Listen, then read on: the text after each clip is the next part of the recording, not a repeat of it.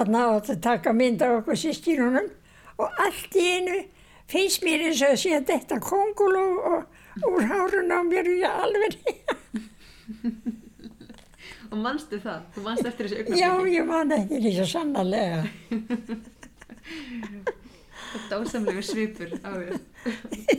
Já, ég var brjálir hreðslu kongular svo stóru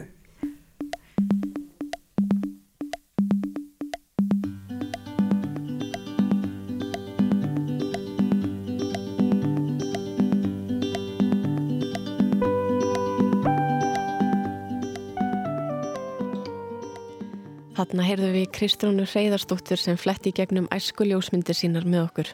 Henni fáum við að kynnast betur í þættinum. Og þetta er þátturinn glans. Án grímunar og dýrðarljómans eru við all til dæla svipuð, eru við mannleg. Í þessari þáttaröð verður varpaljósið á glansmyndirnar allt um líkjandi. Fyrirbrigði, takkmyndir og hugmyndir verða skoðaðar frá fræðilegu en einnig persónulegu sjónarhortni.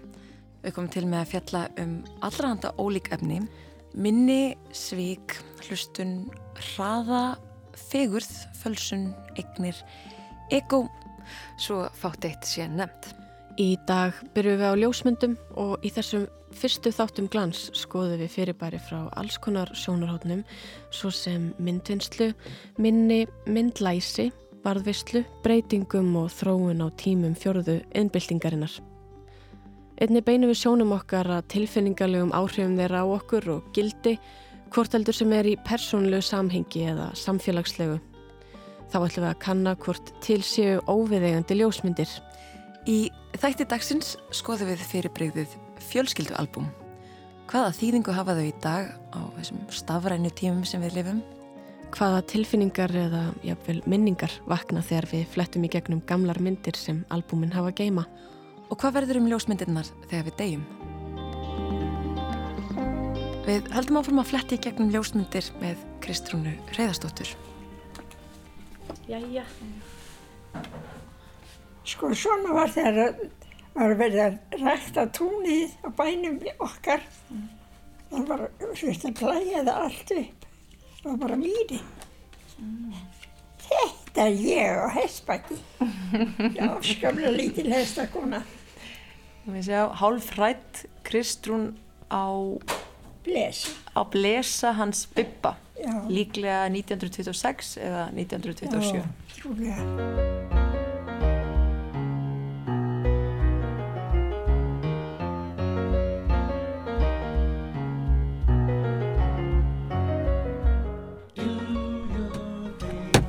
Ég byrja að taka upp. Úf. Shit. Það er svolítið mikil rigning úti. Það hefur kannski ekki farið fram í mörgum að í vikunni hefur viður ekki verið beinlinis gott. Við ættum okkur samt út í stormin en það þurftum við að heimsækja afar sérstakann stað. Þetta er staður sem að er í vesturvör í yðnar hverfi í Kópavogi og hann á mikið erindi við þáttarefni dagsins. Þetta er ljósmyndasapn Íslands. Við komum hingað til að heyra um fjölskyldumindir Íslandinga og þróun þeirra gegnum tíðina og gátum því hvorki látið veður eða vind stoppa okkur. Við dinglum á bjöllunni. Hann læst. Já. Hæ, hæ. Við komum til að heita Ingula.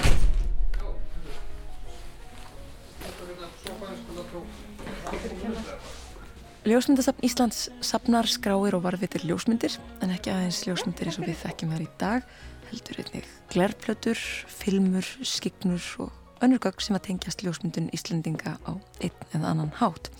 Sapnið tilheyrir þjóðmínasapni Íslands og það er aðtilsvert að segja frá því að ljósmyndir eru stærsti efnisblokkur sapsins. Á ljósmyndasafninu eru 6,5 miljónir mynda. Annars vegar eru þetta úrval þjóðlífs og mannamynda frá upphafi ljósmyndunar 1839 og fram yfir aldamótin 2000. Hins vegar úrval teiknara og málara íslenskra manna og þjóðlífsmynda frá 16. til 19. öld. Hæ. Hæ. Hæ. Takk fyrir að taka mót okkur. Blessu. Erum við nokkuð seinar?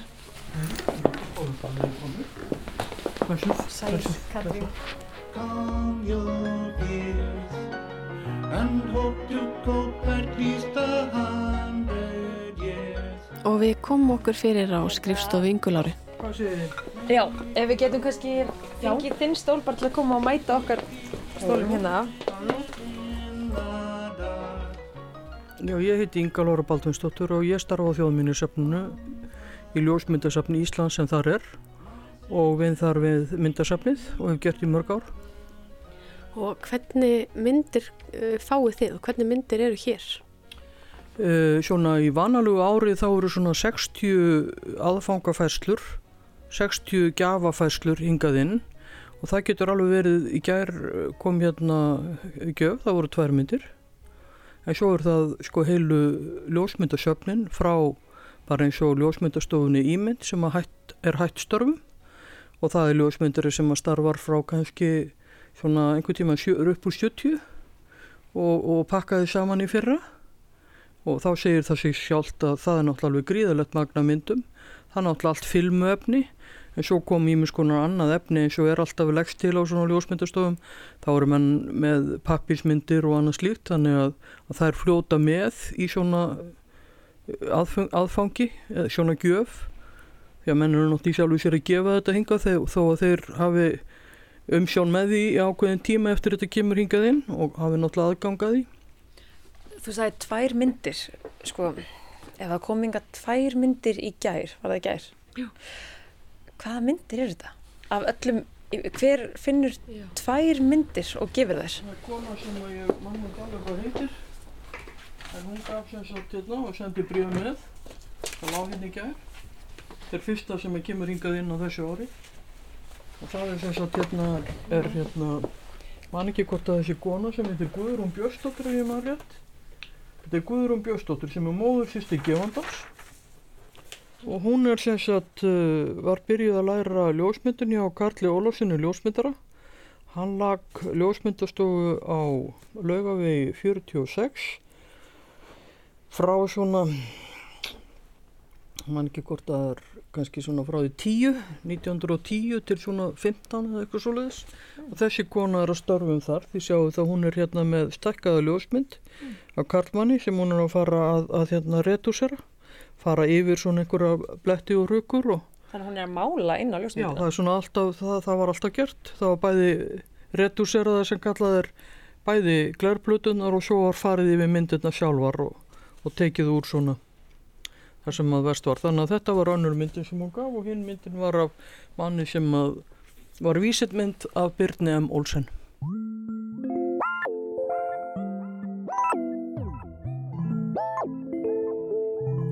Yeah.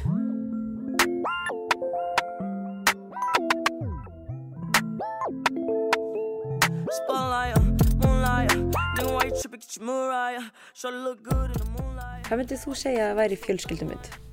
Kannski heimsk spurning, ég veit það ekki alveg. Fjölskyldumyndir. Uh, Ég held að svona þrengsti skilningurinn sé að það sé einhvers konar ljósmyndastofumyndir á fólki en svo náttúrulega er hægt að horfa á það víðar sko. Þannig að þetta eru vanalega uppstiltar á þvíleitinu til kannski svolítið sviðsettar myndir, teknar á ljósmyndastofum. Það eru svona hefðbundnasti skilningurinn á fjölskyldumyndum. Svo er sá rammin náttúrulega verið sprengtur á margan hátt til dæmis í minni fjölskyldu þá eru hérna líka fjölskyldumyndir bara myndir sem ég tók sjálf þegar ég var barn af fjölskyldunni. Þannig að þú veist það náttúrulega bara er svolítið hérna einstaklingsbundið hvernig fólk lítur á það. En yfirleitt held ég samt að hefðbundi skilningurinn sé þetta uppstilta Fjölskyldumyndir hér í þessu safni, eigið þið margar fjölskyldumyndir? Er, er stór hluti safnsins, ég meina nú eru þið með 6,5 miljónir mynda, er stór hluti fjölskyldumyndir?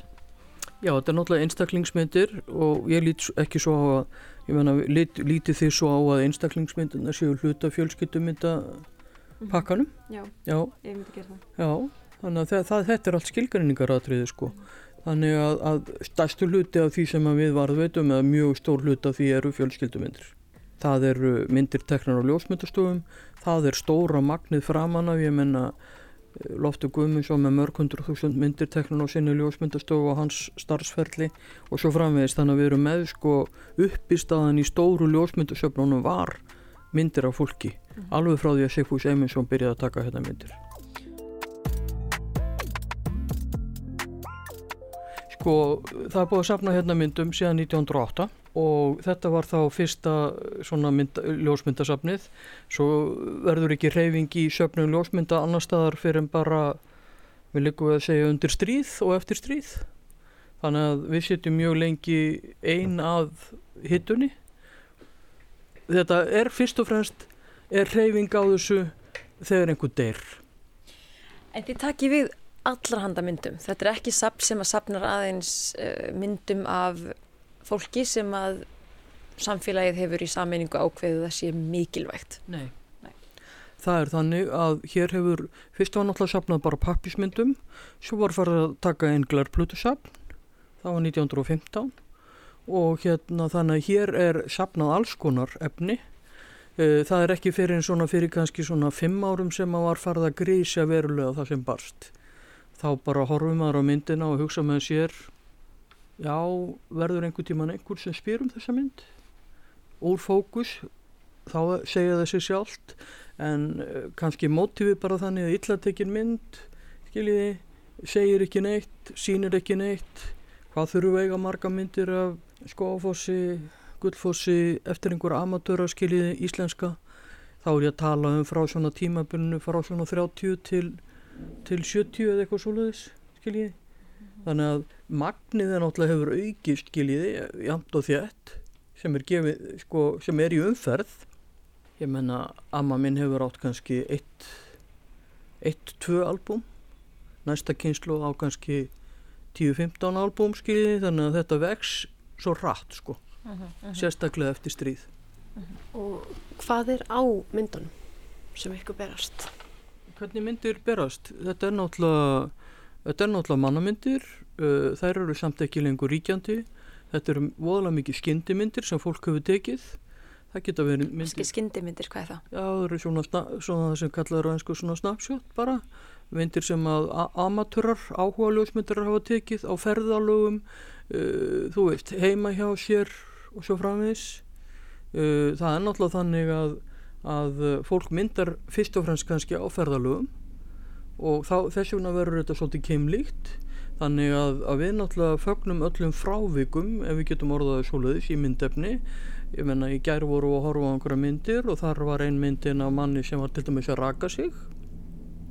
Ekki til mingið að myndum að mönnum að raka sig. Fyrir fram að speil þetta gæti verið svona frá því svona millir 40 og 50 Uh, síðan var önnur mynd í þessari sirpu sem var líka áhugaverð, það var af konu sem var að taka upp jólapakka og ég menna öll höfum við nú tekið upp jólapakka og margir marga og mörgum sinnum og lifa mörg jól. En það er ekkert voðalega mikið, mikið af því sem hefur borist hingað inn. Ég man ekki eftir annari mynd af einhverju konu að taka upp jólapakka sko.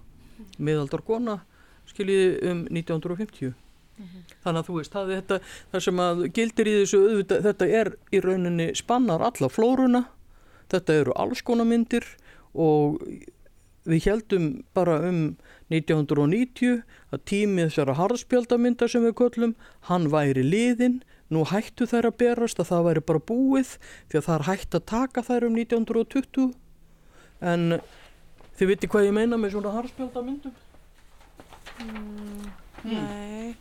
Þetta er svona harðspjaldamynd, ég meina þetta er svona vísitt, að vísitt stærðar voru fyrst og fremst tvær stærðir sem voru ríkjandi. Þetta er uh, svo tegund mynda sem er ríkjandi alla 19. öldina og fram til svona 1920 hér á landi. Lengur heldur en í sjálfu sér kannski annar staðar.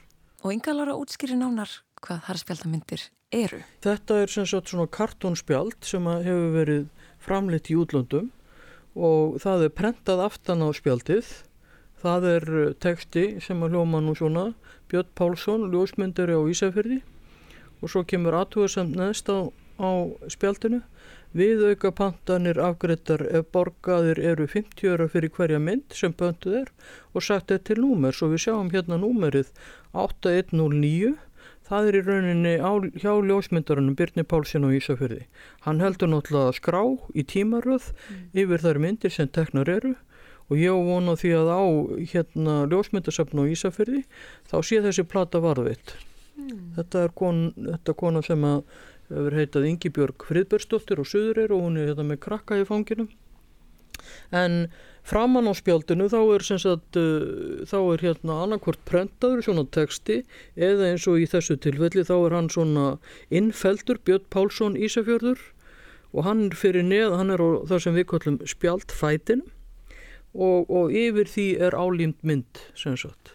Svona þetta var ríkjandi formið af myndum lengi.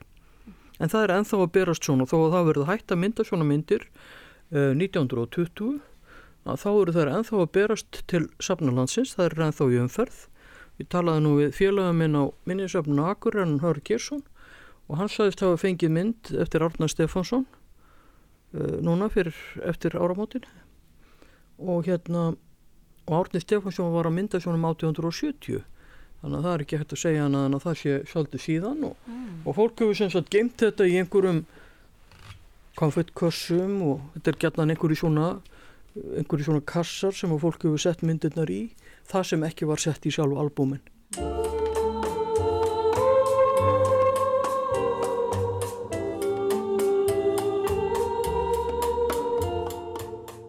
Svo heppilega vildi til að við rákumst á eina harspjaldamynd við vinslu þáttarins. Ég heiti Kristrún Reyjarsdóttir, bara einfalt. ég fætt 24. júni 1923. Hvað ertu þá gömul í dag? Ég er 96 ára. Það er ekki nema.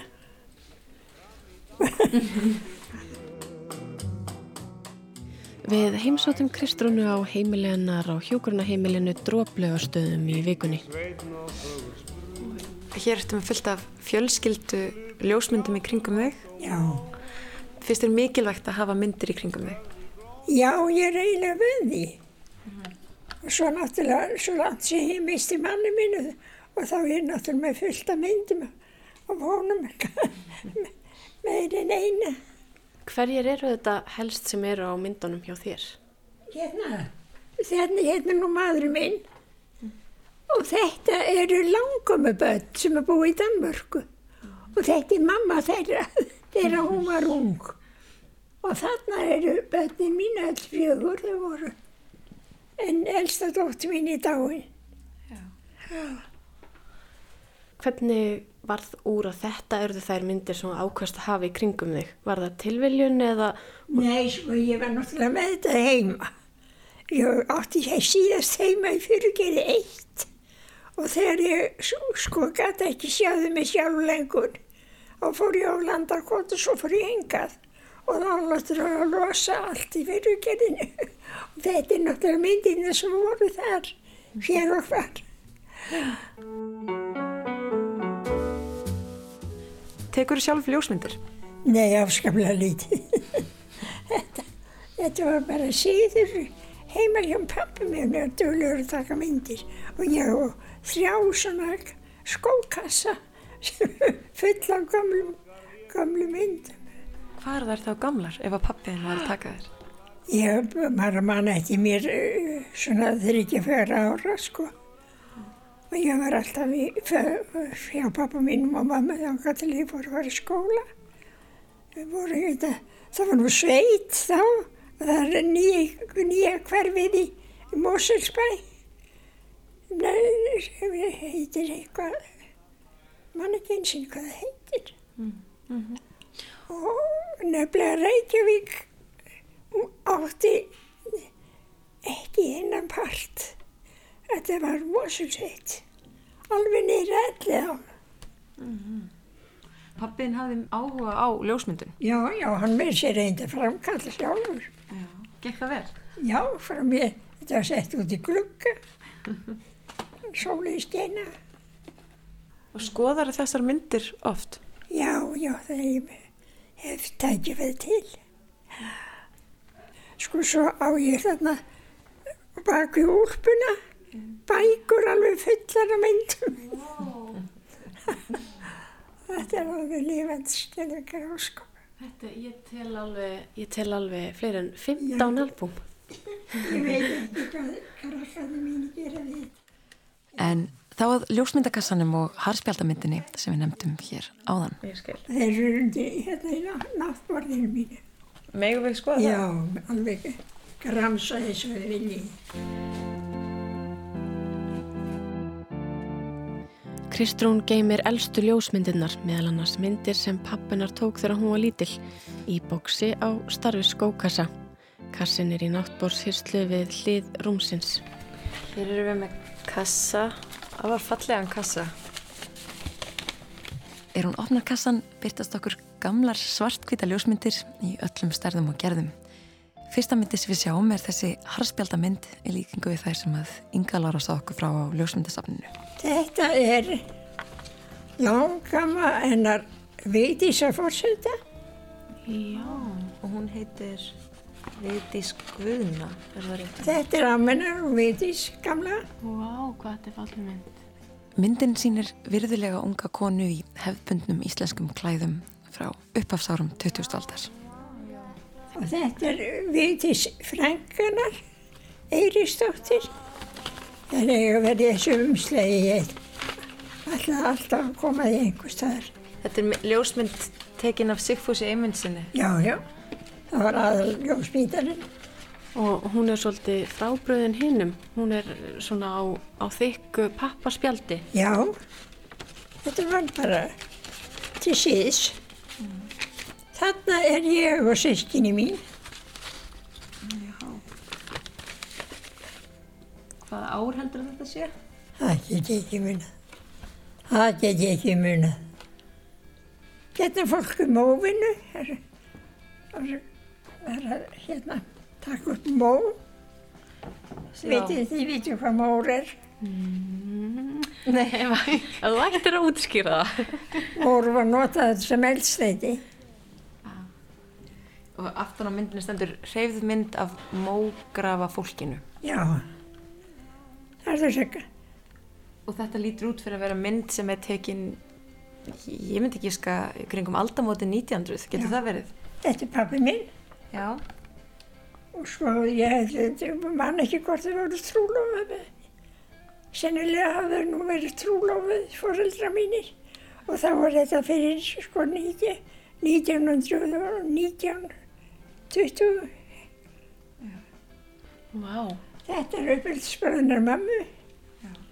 Og hann var frendi líka.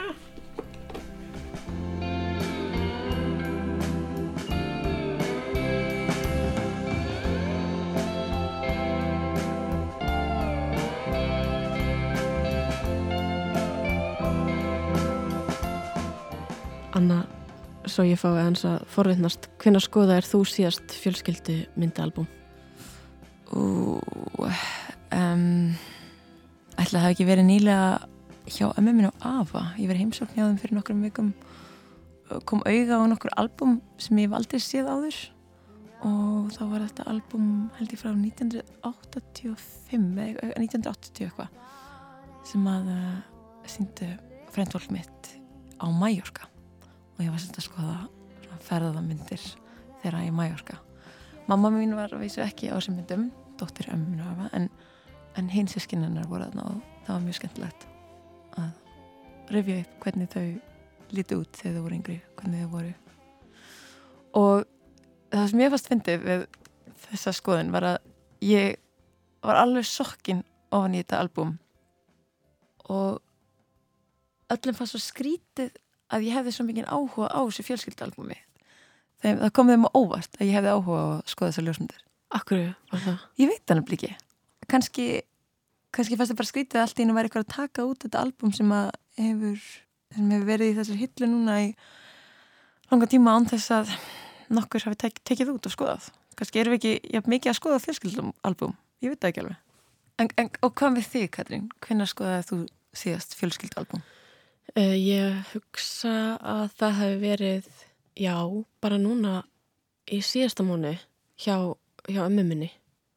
Þá var hún með frekar, bara albúm frá örgulega 91 þegar ég verið svona eins ás eða 90 og þetta voru, þetta voru bara sagt, ungbarna myndir af mér í heilu albúmi sem ég ætla að giska Er þú eina barnabarnið?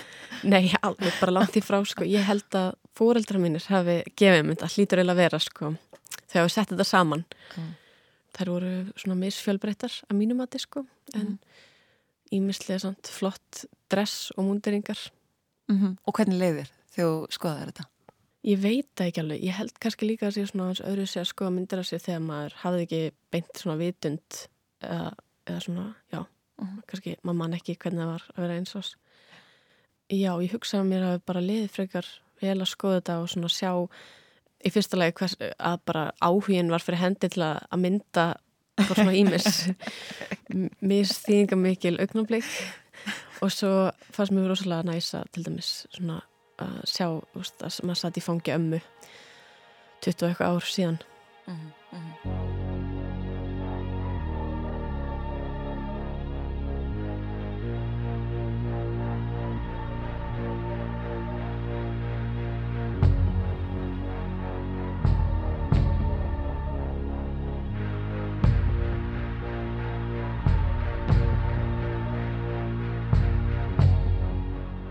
Næst heimsækjum við mann sem veit ímislegt um líffræðina á baku ljósmyndir og skinnjun og skilning okkar á þeim.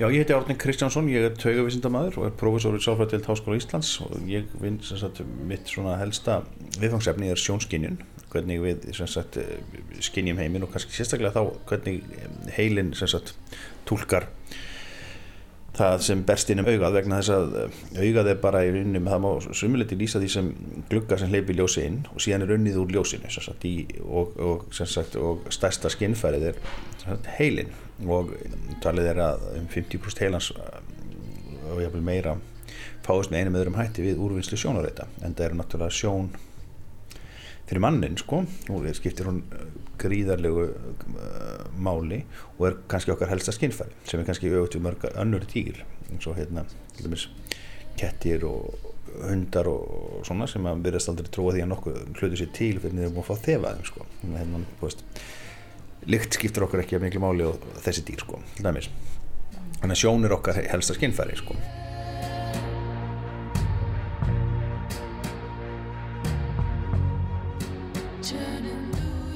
við opnum augun og þá berst ljós inn í, inn í sagt, inn að sjónbótni í gegnum augasteininn og það sem, sem, hérna, það sem verður svona ákveð ljósbrot eins og heitir.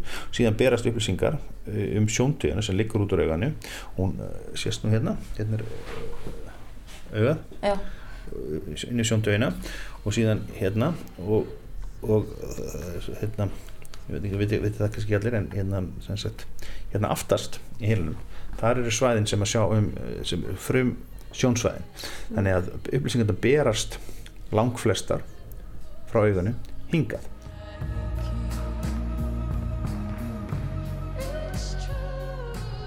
Sjónin hefur orðið þitt aðal rannsóknar efnis þess að Já, nákvæmlega. Má ég spyrja hvers vegna? Ég, já, það, það er góð spurning. Það er hérna sko ég byrjaði hérna í Háskóla Íslands í bara sálfræði og hafði jafn huga því að snúma mér að klíniski sálfræði. En síðan þegar að hérna, við fórum að taka sem sagt, kursa sem að litu, litu meira að sagt, skinjunarvísindum bæði í lífelsfræðinan hátt og svo hérna í e, svona skinjunar sálfræði kursum þá fann ég að þar það hafði bara mjög meiri áhuga á því. Og það var kannski hluta til út af því að, að þekkingin þar var miklu áfriðanlegri við vitum miklu meira um það hvernig auga virkar heldur en hvernig klínískir kvillar virka. Það er miklu meiri svona áþreifinleg þekking þarna sem að heitlaði mig og svo líka bara fannst mér sagt, spurningin það hvernig heilin vinnur úr sjónaritum alveg sérstaklega heitlandi og reyndar líka átti þetta við um önnur skinnfæri eins og heirn og, og fleira sem er hérna en þess að sjónin var fyrir valinu á hendarum sko skinnjunarsálfræði snýst sem sagt um, um það að skilja þau ferli sem að liggja baki því að við sem sagt getum búið til sagt, þessa heilstæði mynd sem við sjáum kringum okkur á umheiminum úr því sagt, frekar einfalda, einfalda mynd sem varpast á sjónbótn okkar vegna þess að það er bara tvífið mynd sem varpast á sjónbótn okkar. Þar eru sagt, hérna, ljósnæmar frumur, stafur og keilur sem breyta þessu í, hérna, þessum upplýsingum í taugabóð og ef við ætluðum bara að skoða þessa tvíviðu mynd þá myndi hérna, það líti allt öðruvísi út heldur en svo mynd sem við höfum af hérna, sjónungurinu þannig að sko, það hvað- fæst í það- það, það finn, finn, finn, að skilja þetta ferli það er það sem skinnisáfran gengur út á í, í stuttum máli Og þegar að augað lest til dæmis ljósmynd, Já. hvaða þættir eru að verki? Ég sko það er rauninni svipað þættir og bara þegar augað sem sagt skoðar heiminn, það er náttúrulega reynir í fyrsta lagi að búa til einhvers konar þrýviða hugmyndum um hvað er, hvað er þetta í gangi vegna þess að hérna augað náttúrulega átt að segja því að ljósmynd af hvað að segja, ljó, ljósmynd af fólki, fjölskyldumynd þessi fólk stendur frá jólatrið sko. Það er hérna, þetta er ekki tvívíð mynd það er ekki, að það er ekki tvívítt umhverju hérna baki. Þarna er fólk stendur frá jólatrið, það er heilin álita þá, já sjónkerfið okkar eða heilin, hvernig sem við viljum, sem við viljum kalla það að fólkið er fyrir framann jólatrið vegna þess að það, jólatrið er í, hérna, sést ekki allt og, og svo framvís þannig að það býr til einhvers konar þrýviða mynd af því. En að samanskapi sko þá skinnkerju líka sko og, og þá í samstarfi við alls konar aðra þætti heilans að svona átta sig því hvað er þetta í gangi voru þetta hamingisum jól og, og svo framvegs og reynir að eitthvað, að tólka það og það er náttúrulega mjög, getur verið mjög auðvelt að sjá það hvort að þarna er ekki spenna eða hamingja eða óhamingja á þessari jólamynd sko, þessari hypotetísku jólamynd. Og reynir sem sagt bara að átta sig á því hvað er þarna á ferli. Og síðan náttúrulega er hérna ef þetta er litmynd þá, er, þá fara sagt, lit, sk, sk, skilningskerfi heilans í gang og reyna að, að, að hérna, átta sig á því hvað er þarna í, í gangi. Þannig að þau reyna að átta sig á þessu samhengi og hérna, lita. Nú og síðan sagt ef þetta er ljósmynda fólki þá er hérna andlit skipt okkur greiðan miklu máli og við erum með sem sagt taugafræðilegan velbúnað sem er alveg sérstaklega hannaður til þess að skilja andlit, þannig að við reynum átt okkur því hvað fólk þetta er, er þetta aftingjar okkar eða er þetta eitthvað, eitthvað, eitthvað fólk sem við þekkjum ekki?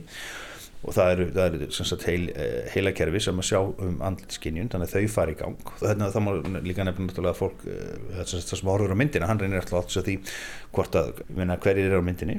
Það, hérna, aldurinn er þetta amman og svo kannski pappa og mamma og amma og afi og pappa og mamma og svo börnin og barnabörnin.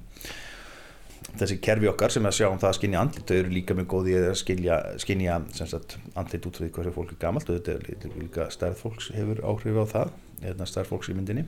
En, hérna, en það er ekki algilt vísbendi eins og hérna, ímyndað er.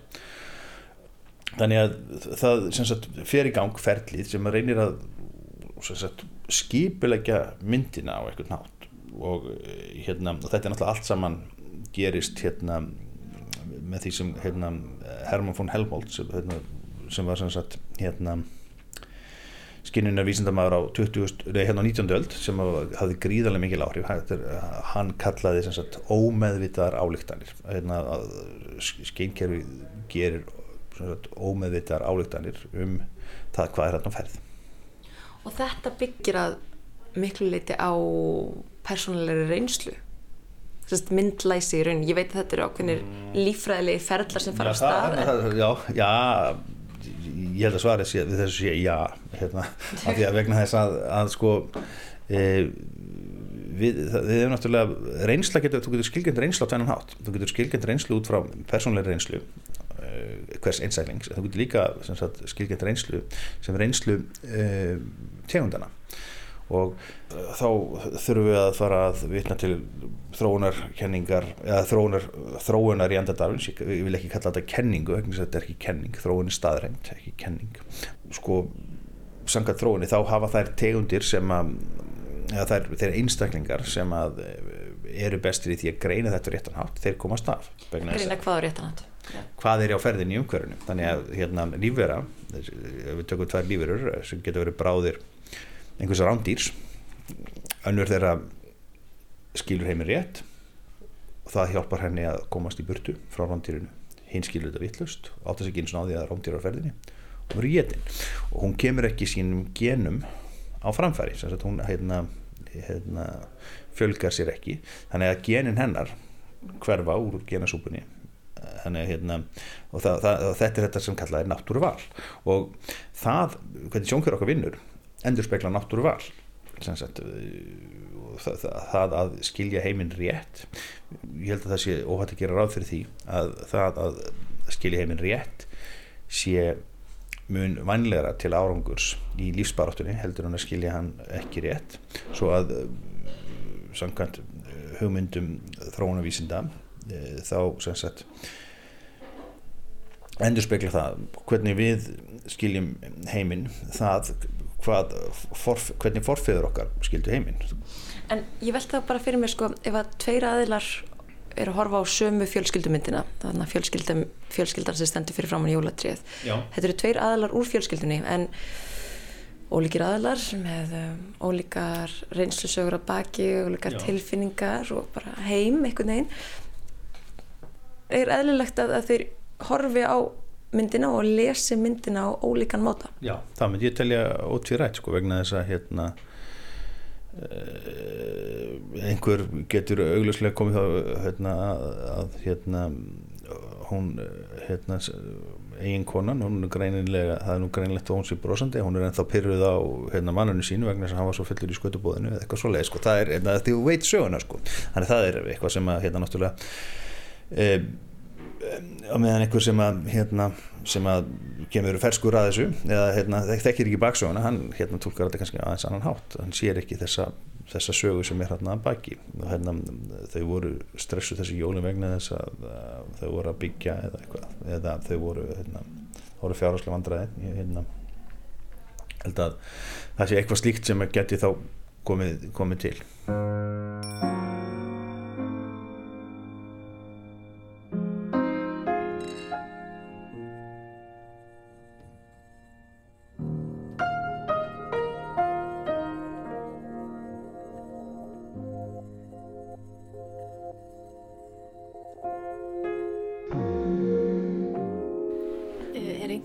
mynd sem að kemur upp í hugan sem að þú heldur meira upp á en aðrar af einhverju ástæðu? Sko mér er meira gaman að skoða myndir sem að mér finnst ég sé ekki satt þokkalega fyrir en ég, ef ég er með einhverja grettur og svo leið á mér alveg saman það. Sko ég hafði alltaf á tilfinningunni að ég var ekki eins laglega eins og síst mér sem var næst mér og að tveim árum, tæplega tveim árum yngri ég. Og mér fannst hún alltaf vera miklu skemmtilegri og miklu fallir eldri ég. Einhver svona smá aðbrið sem ég held ég líka. Sína myndirnar annað eða voru myndirnar málið þínu? Nei, nei, ja, það sína ekki mikið annað sko. Ekki það að ég er helst að reyna að passa hana sko.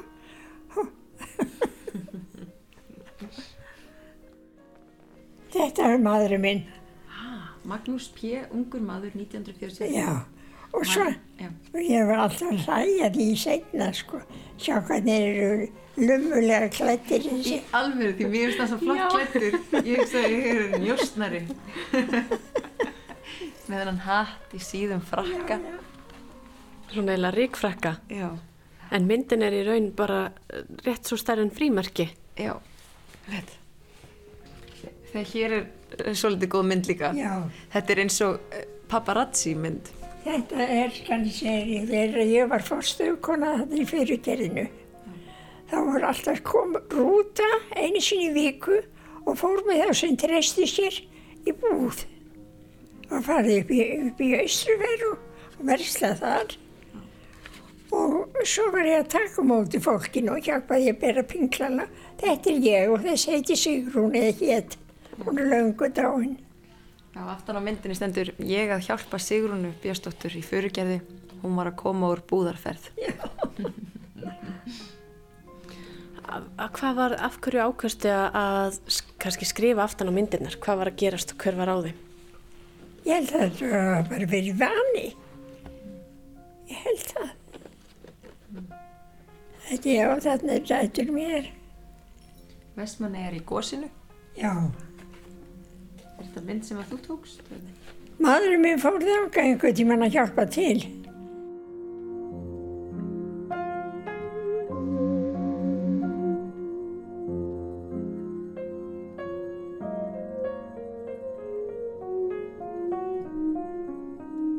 Nú þekkið þú ljósmynda sögu Íslands vel þeir eru með þetta hérna hjá okkur. Hvernig er þróunin í fjölskyldum myndatöku gegnum árin frá því að þetta hefst allt saman 1840, cirka 1840? Það er náttúrulega kannski ekki farið að taka mikið hér svona fyrir en eftir 60. 1860? Já, ég myndi segja það, það er svona frumskeiðið verður alveg til 66 þegar að Sigfús Eymundsson kemur yngað heim. Það eru nokkri búin að taka myndir náttúrulega áður af fólki og sjólaðis en þá fyrst svona kemur ekkur kraftur í þetta og, og hann tekur náttúrulega hérna myndir í Reykjavík en stuttu setna byrjar fyrsti kvenljósmyndarinn 72 á, á 1872 á hérna Djúbavogi og þau voru náttúrulega að taka myndir af fólki myndir af fólki eru upp í staðin í þeirra æfiverki þó þau séu kannski núna uh, þekktar og vinsælli fyrir það sem þau tók af öðru. Mm. nú síðan náttúrulega er þetta mjög hefðbundið auðvitað verður náttúrulega þróun einhver í bara hvað ég segja? Bæði hvernig myndirnar eru teknar með tækjabúnaði með lýsingu og með hvernig fólk vil sviðsetja sig, ég menna Nikolina Veivat var fram hann af ekki með eitt baktjald, Sigbúi Seimin sem kom með baktjald frá Nóri, hann notaði yfirleitt baktjald málað baktjald með einhvers konar gerfi heimi getur við sett, þannig að það var eins og fólk var kannski inn í stofu og það held áfram alla tíð að, að menn voru með svona baktjöld þar sem að fólk var í rauninni sett í annað samhengi heldur en það var í. En svo voru sumir sem voru bara með einlitan bakgrunn eins og Sigriður Sjóka og þannig að þú veist það er allt til í þessu. Mm -hmm. og ég held að verði náttúrulega ekkit gríðarlega mikil þróun þetta formið skapar sig svolítið sjálft í þessum fjölskyldumyndatökum fólk gerir svo tilrönum til að brjóta það. Ég menna Uh, allt í einu byrtast uh, brúðköpsmyndir það var nú hefð fyrir því að byrta myndir af, af brúðhjónum í íslenskum dagblöðum lengi og svo dettur það nú niður í svolítinn tíma en þegar það byrjar aftur þá er það allt öðruvísi brúðköpsmyndir Það er til að segja okkur, hvernig þá? Já, þá er það bara kannski brúðhjón og, og mér líku að segja hjóli hjóli, það er einhvern veginn það fyrsta sem er dettur í hugfyrkiði en þá er það sem sagt einhvern veginn allt önnu nálgun þannig að auðvitað hefur orðið alls konar þróun í þessu. En kannski ekki kannski er ekki hægt að segja að við orðin einar algjörar byltingar. Mm. Fyrst er þetta atvinni ljósmyndarar sem er að taka myndir af öðrum og þá er þetta auðvitað mm -hmm. uppstilt en svo þegar að fólk verið eignast myndavilar sjálf þá hljóta mm -hmm. myndirnar að breytast. Já, já, við sjáum það að þær gera það og ég menna við byrja nú ekki svona áhuga mennskan byrjar hér ekki fyrir en alveg undir aldamóti 1900 svona eftir 1895 eitthvað svoleiðis. Þá erum við með nokkuð dæmi um áhuga ljósmyndara sem eru náttúrulega auðvitað að taka líka fjölskyldumyndir og myndir af félögum sínum í mentaskóla og, og sömta því að náttúrulega svona uh, hefði, hefði ekki þótt, þótt hérna fínt allstaðar, ég menna Viljónu Finnsend tekur mynd af bekkjabræðurum sínum í mentaskóla í sundlögunum og, og hópurinn er allur fyrir framann sundlegar húsið í lögunum en einn er ber þú veist þannig að menn náttúrulega svona fara kannski að leifa sér aðeins og leika sér meira. Hvort sem það er heldur að augra með þessum hætti eða með einhverju fýblaskap þannig að auðvitað koma svona aðrar áherslur þegar þú ert komin á persónlegan grunn með fólkinu sem þú ert að taka myndirnar af. Mm. þú veist, þú þarf ekki að halda andlitinu sem sagt gagvar bróðinum eða frændaðinum sem er að taka myndina heldur getur þú bröðaðins meira á leik heldur þú gerir inn í stúdu hjá einhverjum formlegum ljósmyndar sem er að segja þér fyrir um það hvernig þú átt að vera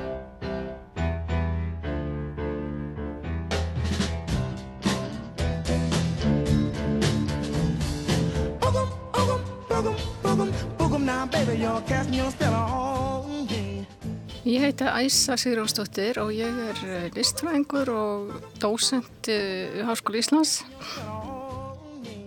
Um leið og ljósmyndin eh, verður til að setja hluta og fyrir að þróast og komast í almenningshendur smátt og smátt. Að gerist náttúrulega í rauninni ekki fyrir ná 20 stöld að, að ljósmyndi verða almennar og, og það náttúrulega bara helst í hendur við það að fólk eignast myndaðilar og þá getur fólk farið að taka sínar enga myndir. Áður þurfti fólk að fara á ljósmyndastofur og, og uh, ef við miðum við svona Íslands umhverfi þá er það ekki, ekki fyrir kannski á svona þriði og fjóraða áratug sem að fólk að eignast vélar, auðvitað átt einhverjir vélar fyrr en, en það var frekar sjálfgeft og, uh, og þá fyrir fólk að sapna myndum líka, fólk að keift líka myndir og, og fyrir að sapna myndum í ljósmyndaalbum og, og þá fyrir myndin að fá þetta gildi sem svona minnjagripur og, og minning um uh, atbyrði og minning um einstaklinga og þá náttúrulega sérstaklega einstak, þá einstaklinga sem að, sem að fólki þykir væntum.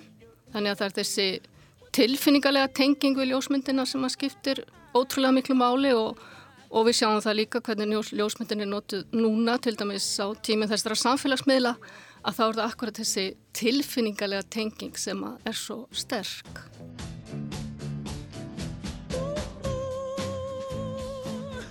Þú byrjar 22 ára og maður skinnjar það og maður heyrir að þú hefur miklu ástriðu fyrir starfinu. Hvað er það við ljósmyndir sem að heillar þig svo? Af því nú er þetta ókunnugt fólk, þú ert að skoða myndir af fólki sem þú þekkir ekki, býst ég við. Hvað er það?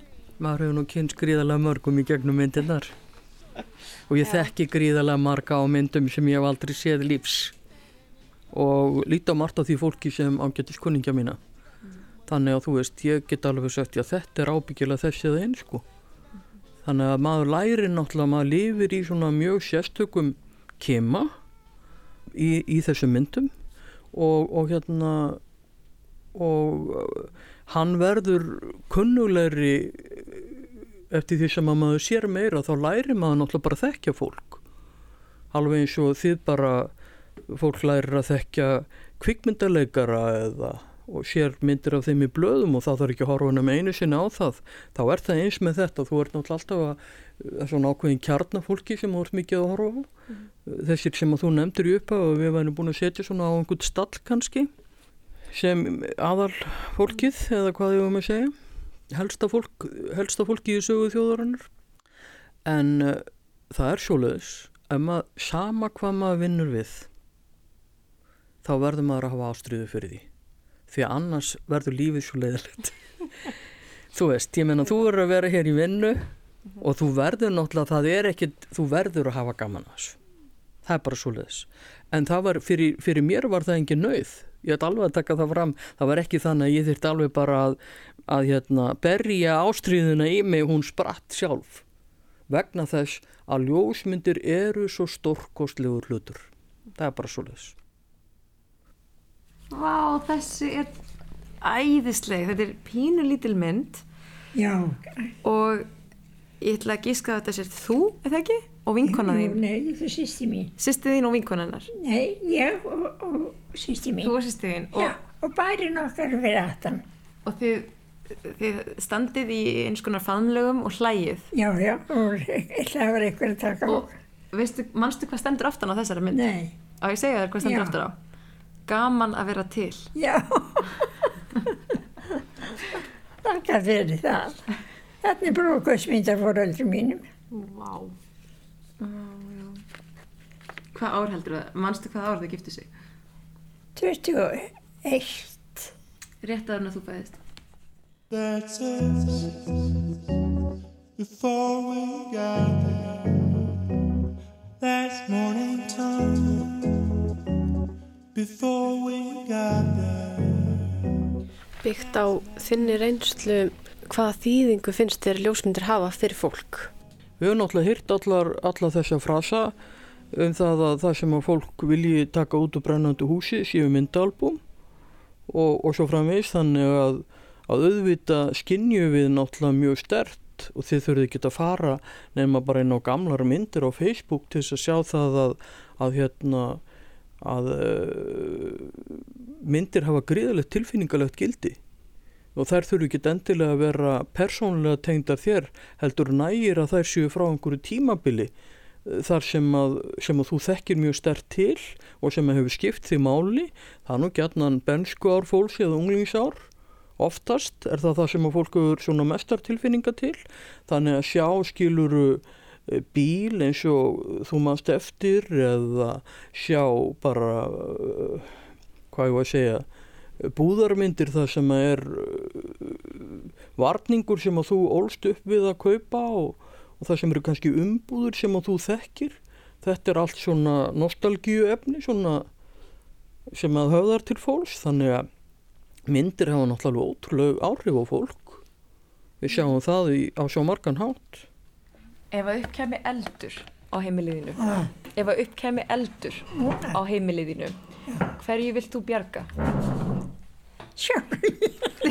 fyrir utan fyrir utan sjálfa þig þú tekur sjálfa þig út en hvað tekur þú með þér? Ég veit það. Þú mátt velja eitt hlut Ég satt að segja ekki hvað myndi. þannig ekki endilega ljósmyndirnar Nei, nei, nei, nei, ok enga veginn. That's it. Before we got there, that's morning time. Átt þú sjálf samt fjölskyldalbúm heimi á þér? Nei, nei og manni finnst það ekki skrítið í dag að ég ekki fjölskyldualbum en þegar ég skoða fjölskyldualbum heima hjá fóröldur mínum eða ömmu og afa og átta mig á því að ég sjálfa ekki fjölskyldualbum og heldur ekki allir mínir vinir, jafnaldrar mínir þá verð ég svolítið sorgmætt mm Mhm. finnst ykkur missir í því en þú áttu fjölskyldualbum Nei, ekki heldur, en áttu samt eitthvað svona, eitthvað staðgengil fyrir fjölskyldalbúm. Nefnilega ekki og ég hugsa ekki vel um myndirna sem ég tek á síman. Mm -hmm. Ég nýlega byrjaði að taka filmumyndir þannig að nú er ég að framkalla myndir og fæmyndir. Ég meni, ég verði að gera eitthvað við þær eftir ég fá mér ekki fjölskyldalbum bráðum en, en verður það fjölskyldalbum? Ég veit það ekki. Ég veit ekki sem hver ég á að finna fjölskyldalbum. Mitt, og, og það er líka spurning, ég á mitt nokkra myndir svona á- af filmmyndavélum og polaroid myndavélum og eitthvað þannig. Það er bara allt eitthvað starf og nýgur um kassa þannig sé maður er ekkert að hugsa um varðvisluna heldur á þeim myndum. En þegar þú eignast þína eigin fjölskyldu, sérðu þá fyrir að, að hafa albúm? Góð spurning. Ég hef ekki séð það fyrir mér hinga til. Þetta er ekki eitthvað sem ég hef pælt í. That's it. Before we got there, Hvað eigið þið fjölskyldan mörg fjölskyldualbum? Já, þau getur alveg slagað upp í að verða 20. Ég byrja að taka myndir þegar ég er 8 ára og það er sko 64 og egnast hljótlega myndaalbum þar sem ég set þessar myndir mínar og aðrar myndir sem að mér áskotnuðust, sumar eldri í svona eins konar mitt fjölskyldaalbum og, og svo heldur maður þessu náttúrulega áfram að bæða mynda og líka að setja inn myndir af, af hérna fólki sem að maður kynntist á leiðinni. Ertu hægt að búa til fjölskyldualbum eða Nei, ég finn það alveg að, að hérna að myndirnar eru mun ósynilegri á mínu heimili. þannig að hefur fjölskyldualbumið runnið sitt skeið á þínum mati? Já, ég held að fjölskyldaalbumið sé dött.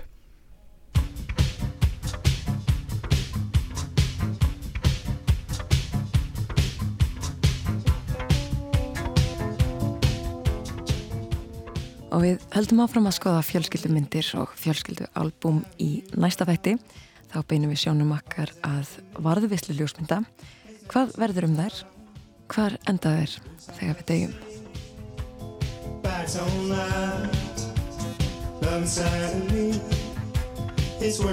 night.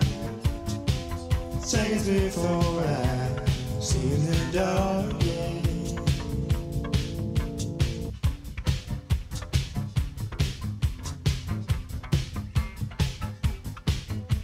Turn. This time that I was so coming to. Seconds turn. This time Such fun to be with It's a big old world But nothing in it